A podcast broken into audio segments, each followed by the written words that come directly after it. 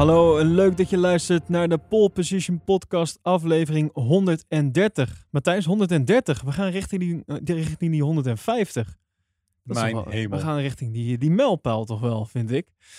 Maar nog even niet. Eh, en dat zal ook niet eh, dit seizoen zijn. Want zoveel, zoveel races zijn er in ieder geval niet meer. Ehm, maar we hadden er wel de race in Turkije afgelopen weekend. Eh, de race die eigenlijk op Suzuka gereden zou worden. Hè? Laten we dat eh, Ja. even niet vergeten. Het is natuurlijk een, eh, een in-betweentje, tenminste een vervanging gekomen. Eh, toch wel jammer voor, voor Red Bull eigenlijk. Want die hadden dus die speciale livery gemaakt hè. Had je hem En gezien? jammer voor Dat- Honda. dat is wat mij betreft al het hoogtepunt van het weekend. Als, als we daar even mee gaan beginnen, wat het hoogtepunt van het weekend is toch wel die livery van de Red Bull Racing. Want wauw, ik, ik vond hem zo gaaf. Wat mij betreft, Ja, cool, eh, nie- de nieuwe kleuren. Klaar. Ja, dat, gaan ze nooit. dat is de enige wat ik echt jammer vind aan, eh, aan Red Bull eh, fan zijn, voor zover ik dat ben, is dat je altijd wel voor dezelfde saaie kleuren juicht. Net als Ferrari. Ja, net als Ferrari. Maar Ja, ik weet niet, het rood van Ferrari heeft dan een soort van meer. En die hebben nu in ieder geval nog een soort van licht naar donkerrood. Nou, daar kan je van vinden wat je vindt. Maar ja, Red Bull is wel daardoor ook wel herkenbaar. Het is de kracht van de, van de kleuren, maar het is wel altijd hetzelfde liedje. En ze hebben altijd van die super vette liveries ook. Weet je, tijdens het testen en zo. Ja. En dan, nou, nu ook weer. Dus ik moedig het alleen maar aan. Ja, en, eh, wat je zegt, eh, weet je nog die wit-blauwe livery die zo tof was? eh, Ja, en die, eh dat is, een beetje van die camouflage, donker met blauw gehad en zo. En ja, er zitten gewoon hele vette liveries bij. En ja, dat, tijdens de race is het altijd maar normaal. ja, nou, leuk dat ze dit weekend dat dus niet deden. Weet je trouwens waar die eh, livery op geïnspireerd is? Weet je dat? ja, zeker op de, de oude eh, Honda ge- gemotoriseerde auto. Zeker, zeker. Eh, hij, om specifiek te zijn, hij is geïnspireerd op de Honda die in 1965 de Mexicaanse Grand Prix won. Dus wil je dat, wil je dat zien, zoek dat eventjes op. Is vast ergens te vinden op, op gogol.nl. En eh, wat ook wel leuk was, dat je Max nu rond zag rijden in een Honda die eh, qua livery ook best wel leek op eh, de Honda waar Jos eind jaren 90 als testrijder in rond eh, reed. Het was, deed een beetje, was een soort van flashback-achtig. dat was leuk. Dus, die, dus was, die was helemaal wit, toch? dat, ja, klopt ja. Die, hier zaten natuurlijk die geel en rode kleuren van Red Bull zaten natuurlijk helemaal hierin verweven. Ja. Verwoven, verwoofd. Maar eh, het, het, deed er een beetje aan denken. Dat is meer. eh, Mhm. ik, vond, ik vond het gewoon grappig. Van die, van die kleine facts, van die kleine feitjes. Dus dat, ja. ehm, ja, zoals ik al zei, het had dus eh, Suzuka moeten zijn, was het helaas niet. Het werd Turkije voor de tweede keer. Hè, vorig jaar hebben we er ook gereden. En ja, we- weet je nog een beetje hoe die race van vorig jaar ging? Heb je dat? Ik heb hem dus echt nog even teruggekeken. Ja, vorig jaar was knotsgek. Dat was de, de natste, droge race die ik ooit gezien heb. Oh, ik, ik dacht dat je wil zeggen de natste droom, maar dat is Nee, niet- de natste droge race. En officieel geldt het als een droge race. Want het heeft tijdens de race niet Ja, geregend. precies. Maar dat was natuurlijk eh, vlak daarvoor niet het geval geweest. En die baan was, eh was zeik en zeiknat. Eh en plus dat we ook nog een keer hadden dat Lance Stroll bijvoorbeeld vanaf pole position vertrok. Max die aan het zwemmen was met zijn Red Bull in. En volgens mij elke versnelling die hij die op die Red Bull had zitten. Lemon. Zwemmen in Bacardi Le- ja, precies. Dat was toen nog niet, hè? maar eh, ja, het, eh, het- zeker op start-finish was het gewoon een, eh, een zwembad geworden. Dus ja, ik heb er toch eventjes eh, teruggekeken, die, die wedstrijd. Onder andere wat opviel Albon, bijvoorbeeld, die toen nog eigenlijk voor zijn doen een prima wedstrijd reed. En een leuk gevecht had met verschillende rijders. En het moment van, weet je dat nog, Verstappen, die achter, notabene Perez, degene die zijn teamgenoot zou worden, die zo dicht achter hem reed hè, met het natte, dat hij uiteindelijk dus spinde. Het was sowieso niet de race van Verstappen eh, die dag. Nee. Maar eh, dat was natuurlijk ook even zo'n momentje, hè, hebben we het ook nog over gehad, van ja, wa- was het nou weer te gretig van Max en zo? Het kwam bij mij allemaal weer eventjes boven, moest, eh, mo- moet ik zeggen. Was leuk. En uiteindelijk was het, de, de grootste verliezer was denk ik toch wel Bottas vorig jaar. Nou, en laat dat nou Heeft meteen dat even goed mijn bruggetje zijn naar dit jaar. Want Ja, ja, dat heeft hij zeker goed gemaakt. Dus ja, eh, ik, eh, ik keek wel uit eigenlijk naar dit weekend. eh, En het, het leek eigenlijk droog te beginnen. Want in vrije training 1 was het gewoon een prachtig zonnetje. niks aan de hand. Nou ja, die, die prachtige livery die we voor het eerst te zien kregen van, van Honda. Prachtig. Ehm, we wisten natuurlijk wel al van Lewis Hamilton. Die, eh, die had een eh, nieuwe internal combustion engine eh, erin laten zetten. Dat kostte hem 10 gridplaatsen. Ehm, ook Carlos Sainz, die had, die had volgens mij een compleet nieuwe motor, zelfs, of nieuwe, ja, nieuwe motor erin laten zetten. Dus die moest helemaal achteraan starten. Maar het stuk tactisch was dat wel slim. Want in principe is Turkije een baan waar je prima kan inhalen. Eh, zelfs in de, in, de, in de natte omstandigheden gaat dat daar prima. Er is genoeg ruimte. Ja, en helemaal als je met je nieuwe motor 15 tot 20 km per uur harder gaat als de rest van het Nou, veld. plus dat. Dus eh, ja, in principe was dat gewoon Dan tactisch kan je heel altijd wel een nieuwe steken. Zeker, zeker. Dus ja, eh, dat was heel slim eigenlijk om te doen. En aan het begin van het weekend, wat dacht jij toen jij hoorde over die gidsstraf die Hamilton zou pakken? Dacht jij toen van, nou, dat kan wel eens heel voordelig zijn voor Max? Of dacht jij toen, nou, dat maakt er geen reet uit. Die tien plaatsen, die pakt hij zo weer terug en die pakt gewoon niet, misschien wel zelfs die overwinning daardoor. Ik was Nou, namelijk heel had niet sceptisch. verwacht, dat- ik had niet verwacht dat hij zomaar de overwinning zou pakken. Maar ik denk dat niemand verwacht dat, dat Mercedes zo snel zou zijn als dat ze uiteindelijk waren. Nee, Dus precies. ik bedoel, ik had in mijn ehm, voorspelling Hamilton op een derde plek staan. Eh, Dus ja? ik was er wel redelijk van overtuigd dat hij zichzelf naar voren zou rijden. Daar niet van. Maar nou ja, dit was uiteindelijk natuurlijk een, eh een, inhaalrace van heb ik jou daar. En eh, eigenlijk, in retrospect, als je kijkt hoeveel sneller ze waren, verbaast het me dat hij, dat hij maar zo ver gekomen is. Ja, precies. Nou, dat heeft natuurlijk een, eh, een aantal redenen die we verder in deze eh, aflevering nog even gaan benoemen. Als we bij de race komen. Wat verder opviel trouwens in de vrije training 1 was dat Al- Alpine er heel goed bij zat. En ook de- verder trouwens in, in de vrije trainingen. Alonso en Ocon zaten er in eerste instantie best wel heel goed bij. Was opvallend. Eh, daarna hadden we dan eh, vrije training 2. eigenlijk nog steeds zo goed als droog. En eh dat was even een momentje met, eh, ja, het, het gebeurt dan toch weer die track position. Eh, al die auto's willen dan zo goed mogelijk rondje neerzetten. En die wachten dan op elkaar. Nou, wat krijg je als je met z'n allen gaat wachten? Dan krijg je een beetje hetzelfde als wat de afgelopen week eh, in Nederland gebeurde op de snelwegen. Namelijk file. Niet zo'n klein beetje ook trouwens. Ik heb er twee, ik heb twee keer in die file, ik heb zeg maar het ene record, ik heb twee records verbroken deze week. Matthijs? Hoe? Nou, ik heb, eerst was het die 400 kilometer file. Op een, die heb ik, eh, daar heb ik gewoon netjes ingestaan, heb ik aan meegedaan. En eh, toen dacht ik eh, vandaag, nou laat ik ook nog eens even aan die recordpoging van, eh, van 700 kilometer meedoen. Zag, stond ik ook gewoon vrolijk in. Dus ik weet En saillant, saillant detailluisteraars, in beide gevallen stond Elwin vooraan. ja, ik had ook nergens last van. Ik weet niet waar die mensen het over hadden, maar... eh, nee, maar...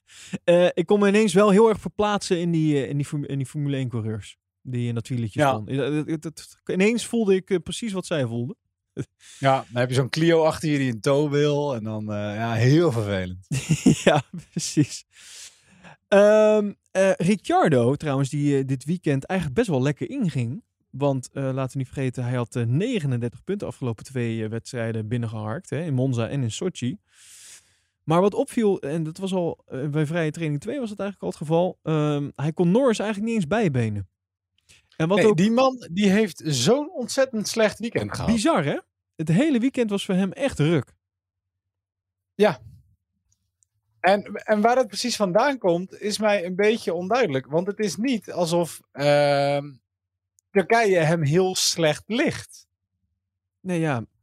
Geen idee. En plus wat ik al zei, eigenlijk eh, komt, hij, eh, eh, komt van een gespreid bedje. Hij heeft echt twee goede races achter de rug. En dat zou toch zelfvertrouwen moeten geven. Maar nou ja, dit, dit weekend zat het er niet in voor Ricciardo. Sowieso al niet op de baan, maar ook niet tegenover zijn teamgenoot. Nee. nou, ik, zit wel, ik zit heel even snel terug te kijken. Hij was vorig jaar was hij ook maar tiende. Nou was dat natuurlijk wel een beetje een vreemde race. Ja, precies. Dat klopt. Maar ja, toen viel het toch ook al een beetje tegen. Ja, het is toch, toch niet zijn circuit dan. Eh, Ja. En zeker niet met die omstandigheden die er zijn. Eh, daarnaast hadden we... eh, oh, dat, heb je dat meegekregen in Vrije Training 2 trouwens? De, de leukste boordradio van het weekend, wat mij betreft. Ja, oh, ik, wou ik, wou, ik dacht al, ik maak een linkje als jij zegt dat we geen probleem hebben gehad met regen of met water. Want er was iemand die wel waterproblemen had. Zeker weten. Eh, laten we vooral eventjes luisteren. Eh, en je hoort vanzelf wie het is. Yeah, I have water running in my foot. Because your drinking system is leaking like. How is so difficult to do simple things? The pump apparently was not running, so maybe it's leaking somewhere else. So we're having a look. Yeah, because I disconnected, it kept leaking in my uh, helmet. Most simple part in the whole car, and we can fix it. Veux Pierre. The most simple part of the car and you cannot fix it. Heerlijk. Ja, maar dit, dit moet toch bijna... Waarom heeft altijd alleen maar Kimmy last van het drinksysteem? Ja. Dat is like, al jaren zo. Ik hoor nooit... Ik heb één keer volgens mij iemand anders gehoord die de problemen had. Maar verder nooit. Niemand. Alleen Kimmy. Kimmy is de enige... Of het doet het niet. Of het doet het in dit geval te goed. En overal verschijnt water. Die man die heeft een eeuwig probleem met zijn drinken. Ik weet niet wat het is. Oh, heerlijk. Zou jij eh, vroeger, toen hij een baby was, eh, ook, zeg maar, dan heb je toch van die flesjes die je dan met eh, twee handen kan vastpakken aan de zijkanten, hè, als kind zijn, als baby zijnde. Zo'n niet knoeiflesje. Ja, precies. En dat dan bij hem toch dat ding los zat. Ja. Dus dat hij... Ja, zoiets. Ik weet niet wat het is. Deze man is gewoon... Maar het is wel grappig, want dit is het simpelste onderdeel in die hele Formule 1 auto. En het gaat gewoon altijd mis. Het gaat altijd mis bij hem. Ach ja. En niet eens alleen bij Alfa. Want ik bedoel, het begon voor... Toen reed hij voor, reed hij voor Ferrari, toch? Toen het Ja. hele gezeik ooit begon. Klopt, volgens Zijn mij wel, ja. originele I, don't, I can't have to drink. Ik kan het even drinken. ja, eh, wonderlijk. Wonderlijk. Het, eh, het, het zit op zijn schouders, ik weet niet wat het is. In ieder geval eh, waterproblemen voor Kimi, maar dat, de rest had uite- uiteindelijk ook wel problemen van het, van het water. Er bleef namelijk ook echt wel water liggen. Onder andere bij bocht 9 en 10. eh, daar, daar hadden ze ook later, volgens mij in de derde vrije training, was daar best wel last van. Daar, er bleef gewoon een plas water ergens liggen in die chicane. En had je dus, je had zeg maar een heel dun strookje wat dan droog was. Ja, je hoeft er maar 1 millimeter van af te wijken en het was gewoon fout. En er gingen meerdere dan ook de fout in. Ook gewoon eh, de ervaren rijders. Want wat me opviel was het dat het vooral, nou ja, de Mazepins, de Latifis, dat waren vooral degenen die heel veel spinden hoor. eh, Ja. Tijdens die vrije trainingen. Het zijn dan toch wel, dan zie je toch het verschil weer hè. Tenminste, dat, dat, zo vat ik het dan heel even samen. Ik weet niet of het ook daadwerkelijk houdt snuit wat ik zeg, maar zo lijkt het in ieder geval wel. Toch een stukje ervaring of toch gewoon iets meer talent hebben dan de ander, zeg maar. Iets meer feeling met die auto of zo. Nou ja, of misschien gewoon je, je auto beter of nauwkeuriger kunnen positioneren op de baan. Ja, ja precies. Dus dat je, dat je wel zeker weet dat je net die plas niet raakt. Waar Ja. het misschien voor hun toch nog wat meer eh, gokken is of zo. En, en dat wordt natuurlijk ook bepaald door hoe je bochten inrijdt en weer uitrijdt. Dus hoe strakker je dat doet, hoe beter je Ja. uitkomt, hoe zeker je bent dat je bepaalde lijnen rijdt. Nee, daar heb je helemaal gelijk in. Ehm, eh, dan had nog een vrije training 2, was ook wel een grappige boordradio. Eh Gasly, die zat nou ook niet zo lekker in zijn stoeltje. Eh, de boordradio was als volgt. My arms are too short to steer the wheel. en ook vlak daarna had hij dus ook gewoon een bak onderstuur en bam, spinde die ook. Dus eh, dat was nog wel een grappig momentje in eh vrije training 2. Overigens, Ocon, die, moest, eh, die wilde nog even een proefstartje doen. Ehm, maar dat lukte niet. Die auto die, die weer gaf. Dus die mocht daarna gewoon lopend naar de pitbox. Dat was wel een grappig moment ook. Ja, en dan vrije training 3 op die zaterdag. De zaterdag, dat is eigenlijk waar het ja, fout ging, goed ging. Wat, wat vind jij? Regen? Het is toch, dat was de, het moment dat het eigenlijk fout ging. Want in de nacht van vrijdag op zaterdag, toen heeft het echt heftig geregend. En ook eigenlijk toch de zaterdagochtend eh regende het gewoon nog. Ja. en wat dacht jij toen je, toen je het hoorde, zag? Dacht je van, ah, yes, regenrace? Tuurlijk, regen. Ja, ja, toch wel hè. ja, ik kan ook niet ontkennen dat ik dacht van, oh, dit wordt weer leuk. Dit wordt een, een interessante zondag, laat ik het dan zo zeggen. Als, als dit ook doorzet. In ieder geval een interessante kwalificatie. Eh, en dat was het ook wel, want eh, eh, nou, in ieder geval, eh, iedereen ging in de vrije training 3 nog, om daar nog even op terug te komen, ging, eh, ja, wat, dat was echt, dat was weer zwem hoor. Het was, eh, het was wel een heel mooi stukje van eh, Leclerc, die nog in rally-stijl nog zijn auto op de baan eh, hield. Ehm, we hadden nog even een rode vlag situatie trouwens, na een spin van, van Russell. op zo'n een derde van de sessie. Ja, en dan dat moment wat ik net al benoemde in die bocht 19, hè, waar dat water bleef staan. En dat zorgde ervoor dat heel veel jongens eraf gingen. Ja, dat beloofde wat goed voor de kwalificatie. Nou, uiteindelijk eh, tijdens de kwalificatie. Tijdens de kwalificatie was het eigenlijk droog. In eerste Ja. instantie. Alleen, er was regen op komst of zo. Het zou komen of het niet en dan weer wel. Het was een beetje onduidelijk. Het was ook heel grappig dat de teams onderling waren het ook niet echt helemaal over eens, volgens mij. De ene zei dat het, eh, dat het droog was. De andere zei het gaat regenen. Het gaat over twee minuten regenen. De andere zei het gaat over vijf minuten regenen. De andere zei het regent in bocht 9. het, het- niemand die wist nou volgens mij echt wat er aan de hand was. Heel bijzonder vond ik. Ik vind dat altijd die verschillende boordradio's dan. Toch? We, we kijken allemaal naar dezelfde radar, toch? We zijn toch allemaal op hetzelfde circuit, of niet? Ja, nee, ze krijgen ook allemaal dezelfde. Nou, dat is eigenlijk wel grappig. Dus, want ze krijgen allemaal exact dezelfde data door. Het is niet dat het ene team dus andere data doorkrijgt dan de andere. Er is een Oh. soort van nationaal weersysteem. Ja, daar hadden ze het tijdens de vorige race over. Ik weet niet, volgens mij Oh. noemde Jack Ploy dat. Dat ze dus allemaal exact dezelfde data doorkrijgen. Waarschijnlijk om te voorkomen dat een partij daar heel veel geld in investeert. Terwijl Ah, ja. Williams een paar mensen buiten heeft staan met een hand boven hun hoofd. Ehm, Kijk, en hoe ze die data daarna beter aanvullen, dat weet je niet. Misschien hebben ze inderdaad wel overal mensen rondrijden om het circuit heen om te kijken hoe het precies, eh, eh, hoe het buiten het circuit omvalt. Maar de, ja, de basisdata die ze krijgen van de weerinformatie is allemaal hetzelfde. Ik, Ik denk alleen in dit geval dat je ook vaak radio's dan weer later hoort en sommige misschien weer korter op elkaar. Dus dat daarom verschillende voorspellingen ook dicht bij elkaar te horen zijn. Zeg maar. Ik zou het toch fantastisch vinden als eh, voor Red Bull, speciaal voor Max, Piet Paulusma zouden invliegen. En dan nu het weer op het eh, Istanbul, Istanbul eh, Park circuit. In bocht 9 regent het. Ik kan hem totaal niet nadoen, maar ik, je probeert het even voor je te maar hij zien. jou ook niet, dus dat scheelt. Nee, dat is dan ook wel weer waar. maar dit, dit zou ik toch fantastisch... Dat je hem ook ziet staan, Ja. ergens in die bocht 9... met allemaal mensen om hem heen... die daar op een camping ook staan of zo. Iets in die trant. oh, fantastisch. Eh, maar in ieder geval, eh, in die Q1 eh, gingen, gingen ze in eerste instantie ook naar buiten op softs. Alleen wat je daar al heel snel zag, zat, het, was heel moeilijk om eh hit in die banden te krijgen. Die banden waren niet Ja. warm te krijgen. En dat eh, zorgde ook voor eh, glijpartijen links en rechts. En, Tsunoda, die raakte nog eens even bijna de muur. Die had ook geen lekker, geen lekker weekend hoor. Die hield zijn teamgenoot nog eens eventjes op, in, eh, volgens mij tijdens de vrije trainingen. Ja, zeker in de vrije training en ook in de kwalificatie kwam hij weer baggerslecht eh naar voren toe. Tijdens de race heeft hij wat mij betreft daar onwijs veel in goed gemaakt. Maar daar zullen we het straks wel over hebben. Nou, hij hield onder andere zijn, eh, zijn teamgenoot eh eh, Gasly, hield hij gewoon, die blokte die in de vrije training 3 nog even, terwijl die in een, een goed rondje zat. En het volgende rondje wat er Gasly toen eruit perste, was gelijk snelste tijd van die, van die ronde. Ja. Dus hij was ook een beetje aan het, aan het zoeken. Misschien was hij gewoon nog erg boos dat ze niet op Suzuka waren. was toch zijn thuisrace uiteindelijk. Dan hadden we nog, ja, ehm, even kijken. Oh ja, dat, het moment dat Ricciardo een negende tijd eh, neerzet. En dan denk je, nou, negende tijd in de Q1, dat moet veilig zijn. Toch? Ja, niet dus. Nou, niet dus. Want langzaam, ik bedoel, uiteindelijk wordt het dan, die baan wordt warmer. En eh, eh, die baan gaat gewoon meer naar die auto's toe. Komt meer naar die auto's toe. En ja, iedereen rijdt gewoon steeds een snellere tijd. Dus ja, Ricciardo was dan vroeg binnen met een negende tijd. Maar wat er vervolgens gebeurt, is dat iedereen eroverheen gaat.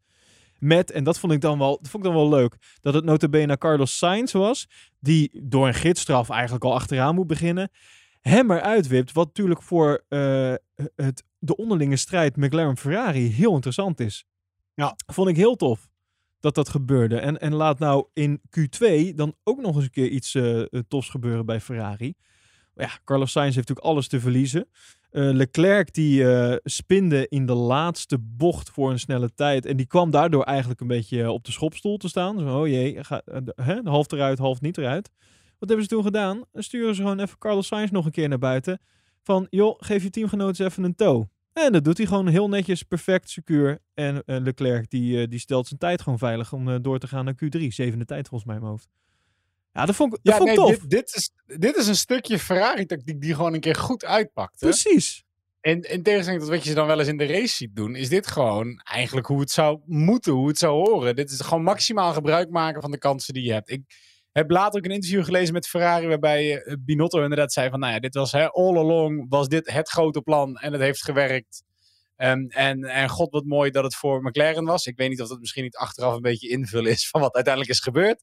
Maar het klinkt alsof er heel goed over na is gedacht. En uiteindelijk pakte het wel helemaal ja, zo goed uit als dat, je, als dat je maar had kunnen hopen. Ja, nee, precies. Ja, het maakt eigenlijk niet uit of, of ze het nou wel van tevoren bedacht of niet. Sterker nog, het, het kwam nu mooier uit omdat Leclerc, zeg maar, echt op die schopstoel kwam te zitten. Ja. En dat hij het Ja. echt nu nodig had, zeg maar.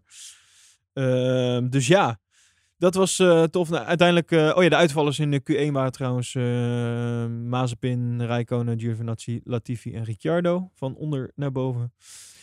En dan Q2 was dan Sainz uiteindelijk eruit. Want ja, die had natuurlijk die, had alles te verliezen. Schumacher, Russell, Ocon en Vettel. Die er dan even werd uitgeduwd. En dat was dus doordat Sainz naar buiten ging om Leclerc nog even die toe te geven. En door de tijd van, van Leclerc werd Vettel eruit ge- geduwd. En dan gingen we door dus naar eh, Q3. Eh, en wat je zag is dat ehm, de baan eigenlijk op de meeste plekken dan al droog was. Je ging ook weer naar buiten op de softs. Eh, daar waar ze in Q2 vooral op mediums naar buiten gingen. En wat Hamilton daar deed is eigenlijk gewoon fantastisch. Hè? Laten we eerlijk zijn. Want hè, Hamilton, tijdstraf, of gidsstraf bedoel ik, 10 plaatsen. Dus wat is zijn taak? Schade zoveel mogelijk beperken. En dat doet hij dan toch wel weer op fenomenale wijze. Want hij zet gewoon wel even netjes de snelste tijd neer op die zaterdag. Ja. Ehm, ik, ik heb nou nog geprobeerd te vinden. Heeft hij nou dus daardoor pol of niet? Want hij heeft dus niet officieel... Hij, hij start niet van de eerste plek. Maar hij heeft wel de snelste tijd op de zaterdag. Heeft hij nou dus wel het bandje gekregen of niet? Ja, ja, hij heeft wel de band gekregen en die band is vervolgens afgepakt en heeft hij door moeten geven aan Bottas. Dit weet je niet. Dus ja, ja, serieus, want je, dat is, daar zijn ook foto's van op internet te vinden, dat, de, dat hij de band getekend heeft. Ja, zo kennelijk moet het dus zo officieel. Maar dat je de band ziet met de handtekening van Lewis erop en hij heeft er ook iets eh, opgezet met inderdaad eh, eh, veel plezier met... Wacht, dan moet ik hem, dan moet ik hem natuurlijk echt vinden. Kan je- Eh, kan je dit veel in- in plezier met mijn, met mijn 120ste pol. Echt waar? Ja, eh, Dus Lewis heeft Bottas een cadeau gekregen, gegeven eigenlijk. Dat is wat jij Ja. nu zegt. nou ja, ja zo, kan, zo kan je het wel, eh, zo kan je het wel zien. Dit is toch ook raar? Ja, het, ik snap, het is wel goed hoor. Ik vind wel goed dat zeg maar degene die dan ook de snelste tijd rijdt, ook daadwerkelijk de, de pole position krijgt als in, ja, dat hij hem zo op zijn titel of op zijn naam geschreven krijgt. Maar waarom moet hij dan dat bandje doorgeven? Dat slaat toch weer nergens op? Dat is, Ja. toch, dat is toch onzin? Die gidsstraf die vindt toch plaats na de, de kwalificatie? ja, je zou zeggen van wel. Ik, ik- wacht even, ik probeer de, de band te zoeken. Ja, prima, prima. In ieder geval eh, was het dus Hamilton met de snelste tijd met een eh 1.22.868. Ja, en dan eh, de onder tweede plaats Bottas, derde Verstappen. Eh, vierde plaats voor Leclerc, dan Gasly, eh, Alonso met een goede zesde plek. plek. Laten we dat eh, niet vergeten. Zeker aangezien Ocon eh, eh, met een twaalfde plek eh, uitging. Eh Perez toch iets wat teleurstellend, nou, wat mij betreft, eh, in de kwalificatie. Dan Norris, eh, Stroll en ja, Tsunoda, die dan nog wel in eh, Q1 of eh, Q3 eh, terecht kwam.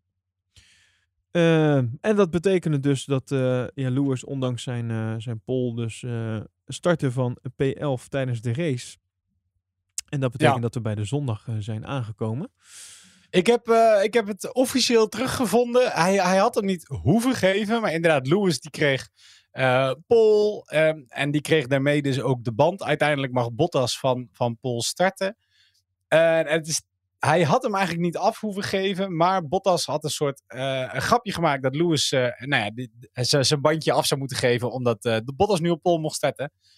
En ja, Lewis maakte daar een grap over, maar heeft het daadwerkelijk gedaan. En die heeft dus de band getekend met To Valtteri. Enjoy the pole trophy. Nice lap though. 102 en dan een vinkje erbij. Want dit is de 102ste tweede pole voor Lewis. Ja. Dus dat is wel. Maar hij hoeft hem, hij hoeft hem dus niet af te geven. Dus, eh, ja, Grappig. Oké. wel hilarisch. Maar zoals je zei, daarmee komen we inderdaad aan bij de race. En laten we die beginnen met een aantal track facts. Ja, dat, eh, helemaal goed. Eh, Daar heb ik een bumpertje voor. Pole Position Podcast. Track Facts. Hey, want we waren in Turkije en daar heb ik weer wat mooie dingen over opgezocht. Turkije is een redelijk Nieuw circuit, zoals je wellicht weet. De eerste Grand Prix startte in 2005. We rijden 58 rondjes en het hele circuit is net iets meer dan 5,3 kilometer lang. Wat betekent dat we 309 kilometer in totaal rijden. En het ronde record is grappig genoeg gezet in 2005. Door Pablo Montoya. Oh, gewoon In Pablo Montoya. 1.24, wat echt een stuk sneller is dan wat we nu doen. Maar het zeggen, een heel stuk sneller. Ehm, het is een track die sowieso best wel snel is. 69% van de, deze track is vol gas. En Bottas is de eerste Mercedes die ooit vanaf de eerste rij heeft mogen starten. Terwijl op Istanbul race. Is nog nooit eerder Oh, gebeurd. echt waar? Oh, grappig. En het heeft ook een eh, record. En dat was het record van 82 pitstops. Die in 2011 zijn gemaakt op de, tijdens de Turkish Grand Prix. Eh, Hmm. En dat was het record voor de meeste pitstops ooit in Formule 1 geschiedenis tijdens een droge race. Hmm. Ja, dus niet, niet afgelopen jaar, 2011. En eh, Sebastian Vettel was eh, voor het eerst een weekend lang in de Formule 1 te zien. Tijdens de Turkish Grand Prix in 2006. En toen reed hij voor BMW Sauber. En eh, grappig in- de, in de vrije training. En grappig genoeg, tijdens eh, zijn verschijning kreeg hij een boete van 1000 dollar. Omdat hij hard reed in de, pitlane. Oké. Kan gebeuren. Ja. De ehm, hoeveelheid overwinningen. Wie denk je dat het record heeft? Meeste overwinningen hier? Oeh, meeste overwinningen. Oh, eh, geen idee, sorry. Felipe Massa. Massa, Drie ja. keer heeft hij hem gewonnen. Lewis heeft hem twee keer gewonnen. Raikkonen één keer. En Vettel één keer. Oh, Rijkoon heeft hem daar gewoon. Was dat Ja, Raikkonen heeft hem in 2007? 2005 Oh, heeft hij 2005. gewonnen. De eerste keer, eerste keer dat, hij, eh, dat hij gereden werd. Oh. Eh, Vettel won hem in 2011. Lewis in 2010 en 2020. En 2006, 7 en 8 werden door Felipe Massa, Oh, Massa eh, gewonnen. Oké. Eh, en alle drie won hij ook vanaf Pol. Oh, oké, oké. Ja, wist je nog dat vorig jaar was natuurlijk eh, dat we na negen jaar weer terug waren op dat circuit. En eh, dat dat eh, helemaal opnieuw was geasfalteerd. Ja, daar was natuurlijk niemand blij mee, want nieuw asfalt betekent nul grip. En dat ze, wat ze uiteindelijk, de, op de vrijdag waren er al zoveel klachten van, van de rijders. Wat ze uiteindelijk, hebben gedaan, is dat ze een aantal huurauto's hebben ingehuurd. En dan na de vrije trainingen hebben ze dus op het circuit die huurauto's gewoon laten rijden om maar, eh, weet dat, eh, wat rubber neer te leggen. Wat uiteindelijk dus geen effect heeft gehad, eh, omdat het enorm regende op de zaterdag en de zondag. Ah, ook wel een leuk feitje. Ja. Dus, nou, dat was dus waar we van start gingen. En die start, dat was nou, in ieder geval een stuk minder rommelig dan, dan vorig jaar. Wat nog wel even was dat Gasly, die tikte Alonso even aan in bocht 1. Vervolgens was het eh, in het eerste rondje ook nog Alonso die weer Schumacher eh, er verderop eh, aantikte. Nou, dat kwam zowel Gasly als Alonso op vijf seconden straf te staan. Ja, en wat we dan verder zagen is dat eigenlijk ja, Lewis en, en Sainz, maar vooral Lewis, want ja, dat gaat om een kampioenschap. Die moesten allebei ja, natuurlijk een inhaalrace gaan rijden. En dat was een beetje de vraag van, ja, hoe, hoe zou dat gaan? Waar, waar, waar zal die gaan stranden? Hè? Gaat, hij het moeilijk krijgen of niet? Nou, het viel me op dat hij toch wel eventjes eh, achter het Tsunoda onder andere vast zat. Eh, Ja, ik vond Tsunoda daar dus echt shinen. Hij, wat, hij, wat hij verpestte in de vrije training en de kwalificatie, liet hij hier gewoon wel zien. absoluut. Hij heeft duidelijk met Lewis eh, lopen vechten. Hij was niet bang om hem neer te zetten. Sterker nog, Lewis leek een beetje bang om schade op te lopen aan zijn auto. Ja, precies. ik er ook wel heel snap, maar ik vond dat hij heel voorzichtig bezig was met... En dat is natuurlijk ook wel weer Lewis eigen. Hij is heel berekenend. Hij denkt niet, ik moet hem meteen langs gooien. Ik moet naar voren toe. Hij snapt ook, dit is nog een hele race. En, en eh, de vlag wordt echt pas aan het einde gezwaaid. Dus ik kan er gewoon rustig over doen. Maar het duurde verdacht lang voordat hij er langs was. Zeker als je kijkt naar het, het totale snelheidsverschil. Dat ze natuurlijk ehm, uiteindelijk met Mercedes hebben bereikt. Ja, precies. Dat, dat moet natuurlijk eh, makkelijk te doen zijn. En zeker op een baan waar je ook nog een keer makkelijk eh, kan inhalen. Ehm, dan, eh, wat me verder opviel was dat, eh, ja, ik vond Norris gewoon helemaal niet sterk op de baan. Die was ook een beetje aan het zoeken. Hamilton ging daar ook heel makkelijk langs. Terwijl ik had echt wel meer verwacht van Norris, wat Ja. dat betreft. Ja, ik al zei, Sainz die was eigenlijk ook bezig met de inhaalrace. En eigenlijk vond ik die veel sterker eh, in zijn inhaalrace dan, dan het, wat je dus nu net schetst over bijvoorbeeld eh, Lewis, die daar toch wat voorzichtiger in, eh, in leek. Wat dan heel mooi was, dat was wel een stukje verderop in de race, nou een rondje 35 was dat, dat gevecht tussen Perez en Hamilton. Dat was fantastisch wat mij betreft. Hamilton die ja, er langs zette, er voorbij ging. Toch niet. Hè, een bochtje ingang. Perez toch weer ervoor. Eh, ik heb daar echt even van genoten. En dit was echt dat ik dacht, ja man, dit is wat we willen zien. En dit, hiermee doe je eh, Max ook echt een enorme favor. Door gewoon je auto hiervoor te houden, echt ervoor te vechten. Ik, ik heb er echt van genoten. En eh, laat eerlijk zijn, het was niet alleen Perez. Het was eigenlijk überhaupt een beetje de race van de tweede rijders. Bottas, die hem uiteindelijk de overwinning binnensleept. Perez, die naar mijn idee een hele goede race rijdt. Door onder andere Max te coveren. Ehm, ik vond Sainz een hele sterke race rijden. Ondanks dat hij uiteindelijk dan achtste eh, werd. Ehm, ja, dat viel mij gewoon heel erg op. Al, de, al dat soort jongens, die, eh, die deden het gewoon erg goed. Ja, nee, 100% ben ik het helemaal mee eens. Ik vond, ehm, ja, wat je zegt, dit was, dit was de race van de tweede rijder. Het was eerder dat een aantal eerste rijders mij echt een beetje tegen hebben, hebben gevallen tijdens deze race. Alonso bijvoorbeeld, als je die als eerste rijder zou rekenen. Nou, ook Alonso 16e op een rondje gezet. Ja, hij had natuurlijk een heel erg vervelend begin. Dat was meteen een beetje, een beetje jammer voor hem. Maar daar is hij ook niet meer echt van teruggekomen. Nee, nee. Nee, dus eh, ja, dat was echt een beetje, eh, nou, wat ik al zeg, de race van de tweede rijders viel me op, was leuk. Ehm, dan eh, Maxi ging naar rondje 37 ging die naar binnen voor nieuwe intermediates. Eh, en dat was eigenlijk ook de enige logische keuze, want eh, het werd echt niet droger. En, want dat was een beetje het ding, hè? Ging je, nou, ging je nou wachten? Ging je nou later naar binnen? Want ja, werd het misschien droger? Ging je, ging je dan naar, naar Slicks toe of niet? Dat was een beetje het ding, maar bij Red Bull is al vrij snel door. We gaan gewoon lekker naar intermediates en we gaan gewoon daarop verder, verder knallen. Ehm, nou, één team die dacht daar anders over. Eh, Take- ja, letterlijk taking one voor het team. Volgens mij was, was ieder team was blij dat iemand het gewoon durfde te proberen. Ja, precies. En eh, nou ja, dat- ik... Eh, Sebastian Vettel moest eraan geloven. Ik, ik vraag me ook af, wist hij dit? Ik kan me voorstellen dat ze gewoon zeggen, Seb, box, box. En dat ze gewoon ineens die dingen eronder zetten. Oh, en dat ze dan, oh ja, oh trouwens, je hebt medium stonden. succes. Dat je omhoog getild wordt, dat je opeens die kleur van die banden ziet en je denkt, wat? Ja, wacht, wat gaat hier niet goed? Oh, oh, oh, oh. Nee, ja, dit, ik neem aan dat dit gewoon vrolijk in overleg gebeurt. Maar het was wel, het was dapper. En laten we eerlijk zijn, kijk, dit was... En dat vind ik dan wel gaaf van, van zo'n team als Aston Martin. Die zagen toch al, ze zaten niet zo lekker in de race.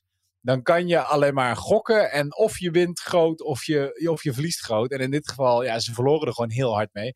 Als dit natuurlijk was gelukt, ja, dan Ja. waren zij helder geweest Tuurlijk. dan, dan had Vettel, want dan, dan heb je meteen zo'n enorme voorsprong. Maar ja, dit was gewoon, dit was gewoon echt veel te vroeg. En ja, dit, dit kon niet anders. Het, was echt, het voelde gewoon levensgevaarlijk. Ik heb volgens mij geen één ronde met zulke samengeknepen billetjes gekeken als die ronde waarbij je gewoon vanuit de cockpit van Vettel, je ziet die auto's links en rechts voorbij komen. Je ziet hem heen en weer zwabberen als een soort van ja, dronken bestuurder met één oog. Bizar. Echt bizar. Ja, en dan bij het inrijden van de pits, het is echt nog, het is gewoon serieus gevaarlijk. Ja, het is echt gevaarlijk. Je zou, je zou er bijna nog eh, een straf voor kunnen uitdelen. Daar moest ik echt Ja, aan denken. maar- dat van, Ja, daar zat ik aan te denken. Maar dat, dat kan je natuurlijk dat kan je nooit maken. Want niemand weet of het droog genoeg is voor Slicks. Totdat het droog genoeg is voor Slicks. dat, dat, dat, dat snap ik. Maar eh, ja, dat Maar is... het voelt, het voelt alsof dit niet zou moeten Ik mogen. wou het zeggen, dit voelt een beetje onverantwoord, laat ik het dan zo Ja. zeggen. Eh, Nee, 100%. Maar misschien wilden ze ook gewoon van Vettel af. Oké, eh, dan eh, hebben we op een gegeven moment rondje 42. Lewis, Lewis die krijgt te horen box, box. En ehm, nou, zo meegaand als Lewis altijd is, had hij nu zijn vraagtekens bij deze call. Dus die, die zegt vrolijk, ja, waarom? Ik eh, ben het daar gewoon niet mee eens. Ik vind het helemaal prima. Ik, laat mij maar gewoon lekker doorrijden. Eh, met als gevolg nou, dat hij dat dan ook gewoon doet. En ehm, nou, dit, dit is eigenlijk een cruciaal moment in de wedstrijd geweest, hè? Want ehm, vervolgens, ehm, eh, wat er nog gebeurt, is dat trouwens Bottas de leiding vervolgens pakt. Die eh, haalt de Leclerc in en die pakt de leiding. Dus ook een be- belangrijk moment. Ja, en dan krijg je dus ronde, rondje 51. Nou, dat is eh, eh, wel geteld negen rondjes verder. Eh, wordt hij naar binnen gehaald weer, Lewis. Of wordt Lewis uiteindelijk naar binnen gehaald voor nieuwe intermediates. En dan krijg je vervolgens de bordradio één rondje later. Van ja, welke trekpositie lig ik? Ja, en dan wordt er gezegd, nou, hier ligt nu vijfde. En dan gaat Lewis helemaal uit zijn plaat. Nou, dit vond ik een heel opmerkelijk. eh, eh, als we het over goede tactiek bij Ferrari hadden, hè, eh, dan hebben we het echt over dramatische tactiek eh, bij, eh, bij eh, Mercedes. Want wat, wat is daar. Als je het even moet gaan zal analyseren, Matthijs. Wat, wat is hier misgegaan? Nou ja, ik denk dat Mercedes... Mercedes is heel goed als alles goed gaat. Dit is interessant. Dit heb ik vaker gehoord, namelijk. eh, ja, maar dat eh, is, ja, maar dat blijkt wel bijna keer op keer zo te zijn. En misschien is het een soort van bias, omdat als je, als je terugkijkt dat je alleen maar deze momenten onthoudt. Maar heel vaak als het misgaat, gaat het vervolgens echt mis. En in dit geval is het eh, eigenlijk, ik denk een beetje het omgekeerde van de gok die, eh, die Vettel deed. Zij waren gewoon aan het gokken dat het toch nog op zou drogen en dat ze zouden kunnen wisselen naar slicks.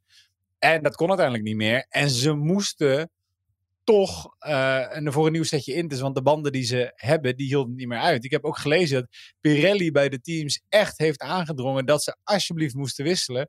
Omdat Pirelli ervan overtuigd was dat ze het niet langer uit zouden houden, die banden. Nee, Nu heeft Ocon bewezen dat het wel kon. dat het maar- ook kon. Dat het Maar- ook kon. Oh, gemiste kans was dat. Nice. En nee, ja, Ocon bewezen dat het ook kon, maar wel met veel minder vermogen op een auto die veel minder hard gaat. Dus Ik weet niet, ja, maar Ocon die verloor, eh, die, Ocon verloor vier seconden op een gegeven moment. Hè, Ja, daarom. Dus het ging, het ging ook echt nergens meer over. Ik weet niet of je die Die- banden toevallig hebt gezien. Ik zag in, on- in, de Slack, in ons Slack-kanaal zag ik een mooi eh eh, fotootje voorbij komen. Met de, de, de banden van Ocon en Lewis eh, na de race. Nou, dat is gewoon... Vooral die van Ocon vind ik eigenlijk schrikbaar. Want daar zit gewoon... Het lijkt wel alsof daar een, een, het begin van een gapend gat zit. Ik weet niet of je dat hebt gezien. een soort ja, dat is eh, echt plek, ovaal. Ja. En je ziet op sommige punten je het zilver van, van het, het, ja, wat is het, het staal, ijzer, ik, ik weet niet precies, maar het metaal dat ook in Ja. de, het karkas van die band zit, zie je er gewoon heen komen. Dat is toch bizar? Ja, dat is echt bizar. Ik vind het wel grappig. Mark eh, die zegt ook in onze Slack hier de banden van Ocon en, eh, en van Lewis na de race. Voortaan alleen gewoon op inters rijden dan? Vraagteken. En, maar ik vind het dus zo bijzonder, want ehm, Lewis die had natuurlijk gezegd, eh, laat mij hem uitrijden hiermee eigenlijk. Dat is, dat is wat hij uiteindelijk gewoon wilde. Want hij begreep dus niet de call om naar nieuwe intermediates te gaan, maar het moest wel. Kijk maar, zeker gezien het tijdsverlies van Ocon aan het einde. Maar het feit dat hij niet eerder naar binnen ging, dat hij niet meeging met die eerste call, dat is, zijn, dat is gewoon zijn fout geweest, toch? Hij Ja, maakt de hij had- inschatting. ja. Het- hij gaat dus niet mee met zijn team. Nou, fair enough. Ik bedoel, daar hebben we het vorige keer eh, volgens mij in, in de aflevering over gehad. Dat, ja, wanneer moet je dat nou wel doen? Wanneer moet je dat niet, niet doen, zeg maar? Eh, moet je die pitmuur altijd vertrouwen? Of hè, wie kan daar nou het beste iets over zeggen? Een coureur kan vaak ook weer meer dingen aanvoelen en zeggen dan een pitmuur.